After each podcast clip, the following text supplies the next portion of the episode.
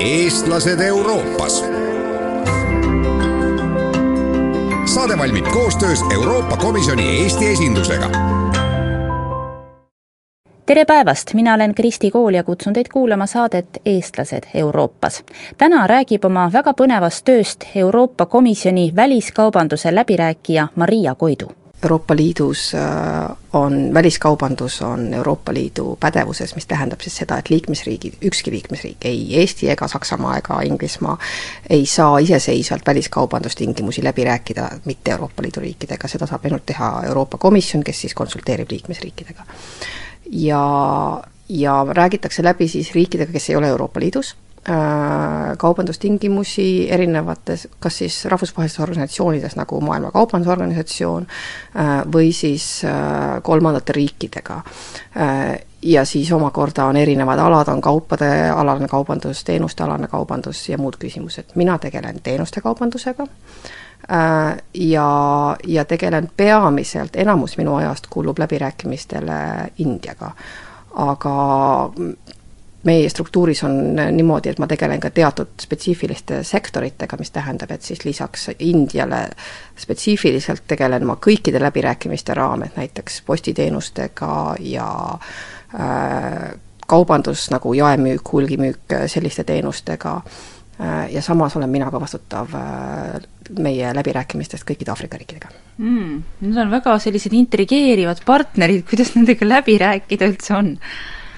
No kultuuri erinevused on kindlasti üsna suured, kuigi äh, ma arvan, et ametnikud ka nendes riikides on sageli äh, saanud oma hariduse kas Ameerikas või Inglismaal ja, ja, ja nendega on mõistmine üsna suur, üsna hea, aga, aga tingimata on erinevusi sellest, kuidas, kuidas on traditsioon, kuidas läbirääkimistele näiteks minnakse äh,. Alates sellest, et kohtumistel Indiaga mul on sageli tunne, et inimesed karjuvad, ebaviisakalt karjuvad aga Indias see on suhteliselt tavaline selline natukene niisugune turu moodi üksteisest üleröökimine, et äh, rääkida, kellel on tähtsam punkt ja seda, see ei ole ebaviisakas, aga selliseid asju peab teadma. Äh, samal ajal, kui näiteks Aafrika riikidega läbi rääkides on, äh, võtab iga arutelu sageli palju aega, sest et neil on traditsioon alustada selgitusi väga kaugelt aga selliseid asju peab teadma ja noh, see on igasugustes äh, suhetes äh, teiste riikide inimestega, ka teiste Euroopa Liidu ja kolleegidega, on, on selliseid asju peab teadma lihtsalt. aga kust te neid asju teate, kas keegi enne teeb väikese sellise ülevaate, kuidas läb, läbi rääkida või see tuleb ikka puhtalt kogemuse pealt või?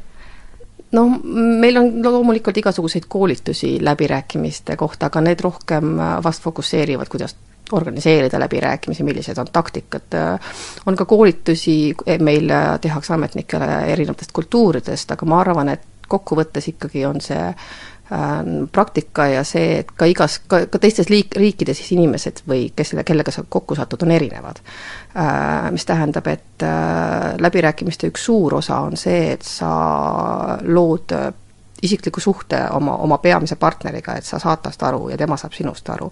Äh, ja ei teki äh, kommunikatsioonihäired lihtsalt kultuuri erinevuste baasil. kuidas nendega siis käituda tuleb, kas jääda sellise oma rolli juurde siis või hakata ka kõva häälega karjuma?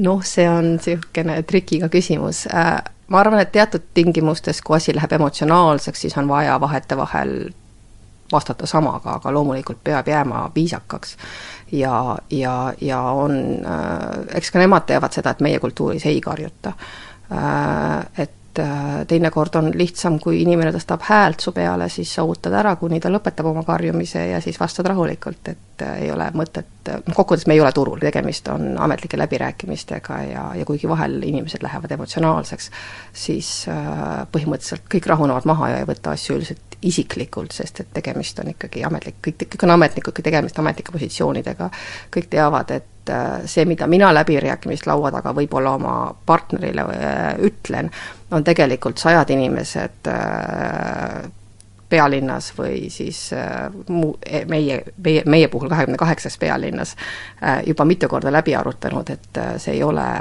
see ei ole minu isiklik seisukoht, mida ma saan koha peal lihtsalt muuta Te tulitegi ju Indiast nüüd, kas te käisite mingi konkreetse läbirääkimise pärast jälle? jah, ma olin eelmine nädal taas kord Indias, Euroopa Liit räägib läbi vabakaubanduslepingut Indiaga ja lootus on, et me suudame sellel kevadel jõuda poliitilisele kokkuleppele. Nii et tänase ja, ja mai-juuni, juuli vahel kui kõik läheb nii, nagu me loodame, saab olema väga-väga tihe töö, et saavutada võimalikult head tingimused siis minu puhul teenuste kaubanduse alal Euroopa Liidu ettevõtetele sisenemaks nende turgudele mm. -hmm. no rääkige natuke lähemalt, millest te seekord siis äh, kõnelesite, kui kaugele jõudsite, saab seda praegu üldse kuidagi kokku võtta? no seda on võib-olla raske seletada, aga mm, hea oleks ehk öelda, mida me tegelikult teeme nendes läbirääkimistes, mis on need teenuste läbirääkimised, sest sageli mul sõbrad küsivad, aga mis sa täpselt teed? Ähm, põhimõtteliselt nende lepingute ja kogu nende läbirääkimiste eesmärk on see, et siis Euroopa ettevõtted saaksid osutada teenuseid seal. Ja, ja teenused on ju väga suur, väga suur ala, me räägime pankadest, arstidest, kindlustusettevõtjatest, aga ka tervishoid, haridus, juuksur, kõik teenused enam-vähem, välja arvatud need siis, mis loomulikult riik ise osutab, neid, neid ei kaeta lepingutes. ja, ja loomulikult on kõikidel riikidel on teatud tundlikud kohad nendes kohtades, sageli näiteks tervishoid ja haridus, aga ka mitmed muud äh, küsimused, sõltub siis riigist Euroopa Liidus, erinevatel liikmesriikidelgi on erinevaid äh, tundlikke alasid. Äh, ja mida me üritame teha, on läbi rääkida Indiaga, et nad lubaksid siis välisinvestorid, ehk siis Euroopa Liidu ettevõtteid, minna sinna ja osutada teenuseid. praegu on India turg suhteliselt kinni piirangud näiteks pankadele või isegi äh, supermarketite avamisele on väga, väga suured, äh, kohati on välisinvesteeringud keelatud. Äh, ja läbirääkimiste peamine eesmärk on siis rääkida läbi, et nad teeksid turu avatumaks, loomulikult kui nemad avavad midagi, peame meie midagi vastu andma. Ähm, aga, aga eesmärk on siis jah, anda ettevõtetele suuremad võimalused äri ajada kui palju on äh, teie sarnaseid läbirääkijaid, kes käivad, see on ikka ilmselt suurem meeskond ja, ja igalühel on siis mingi valdkond või? Äh, jah, noh, põhimõtteliselt suurem osa Väliskaubandusdirektoraadist on läbirääkijad. Äh, Euroopa Liit räägib läbi ju väga palju erinevaid lepinguid. teenuste alal konkreetselt on meid viisteist tükki, aga läbirääkimisi on, on rohkem, nii et, sest me räägime läbi äh, nii Maailma Kaubandusorganisatsioonis kui siis ka mitmete erinevate riikidega. Äh, ja samas me tegeleme lisaks läbirääkimistele ka lihtsalt äh, erinevate probleemidega, kui konkreetselt mingil ettevõttel või mingit, mingis sektoris, mingis riigis on järsku tekivad probleemid, siis me üritame leida ka lahendusi diplomaatilisi kanaleid kasutades nende probleemide lahendamiseks um kas on olnud selliseid läbirääkimisi ka, mis noh, jooksevadki liiva ja millest pärast on, pärast on kahju ja, ja noh, nagunii ju inimene tahab ju alati oma tööd ikkagi hästi teha, et siis pärast mõtlete, et ah, ma tegin seal vea või, või, või analüüsite seda läbi oma mõt-, mõttes, et, et on ju olnud tagasilööke ka, igal alal ju on? Kindlasti on tagasilööke, kui palju need nüüd sellest konkreetsest läbirääkija isiklikust arvamustest ja vigadest sõltuvad, on üks asi, sest tõesti masinavärk on taga üsna suur. ja, ja kõik lepingu tekstid, aga ka, aga ka kohustused, mida me võtame, saavad ju läbi räägitud mitte ainult mitmete teiste ametnikega, aga kõikide liikmesriikidega, Euroopa Liidu Parlamendiga, nii et seal see on üks küsimus, teine küsimus on see, et vahetevahel riigid lihtsalt ei leia ühist keelt lihtsalt kas ambitsioon ei ole sama või tahetakse teisalt saada midagi, mida ei ole lihtsalt võimalik äh, anda. ja on olnud läbirääkimisi, mis, äh, mis on jooksnud täiesti liiva. ma arvan, et kõige drastilisem näide on vist äh, läbirääkimised äh, Pärsia lahe riikidega äh,, mis kestsid kaheksateist aastat ja nüüd on sisuliselt, äh, seisavad juba viimased, ma ei tea, kolm-neli aastat sest et lihtsalt ei jõutud kokkuleppele. ütlesite, et masinavärk taga on äh, suur ja loomulikult teil on juba kindlad ju seisukohad, mida te esindate, aga mis on siis selle läbirääkija roll või omadused, mis tal peavad äh, olema, mi-, milline on hea läbirääkija?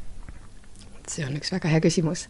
ma arvan, et on vaja mõlemad pooled loomulikult teatud hul-, teatud määral lähevad nendele koosolekutele niisuguse sooviga saada maksimaalselt, mida sa ise tahad ja mitte välja näidata, mida sa tegelikult saaksid pakkuda vastu. ehk siis äh, väike teatri tegemine käib mm -hmm. asja juurde ja, ja ma arvan, et oluline on äh, õppida lugema teisi inimesi, nende kehakeelt, seda, kuidas nad räägivad, et aru saada, millal ei tähendab ei ja millal ei tähendab võib-olla või millal ei tähendab jah, aga hiljem.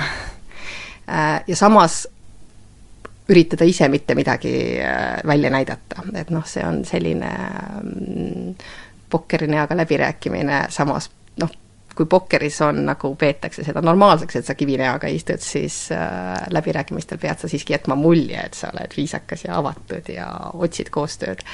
Et niisugune väike teatri tegemine ka asja juurde. loomulikult on vaja väga hästi teada kogu, kogu juriidilist tausta, mis on, mis lepingud on rahvusvahelisel tasandil äh,, olla võimeline analüüsima teiste riikide seaduseid, et aru saada, mida nad saavad teha, mida nad ei saa teha ja üsna palju analüütilisi oskusi, mis tuleb, kuidas selles, selles erinevate riikide juriidiliste süsteemide sigri-migris äh, leida ühine keel ja kuidas see ka siis kokkuvõttes panna paberile niimoodi, et mõlemad pooled sellest ühtemoodi aru saavad. nüüd te tulite Indiast, nüüd varsti tuleb jälle minna, eks ju? no tõenäoliselt jah, paari-kolme, noh, veebruari lõpus vast läheme uuesti.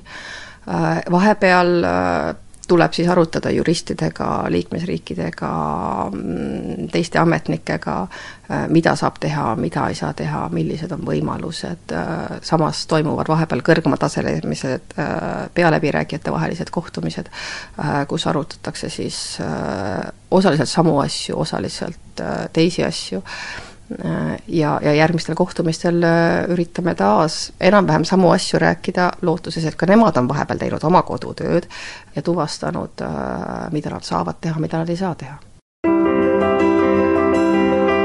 eestlased Euroopas. saade valmib koostöös Euroopa Komisjoni Eesti esindusega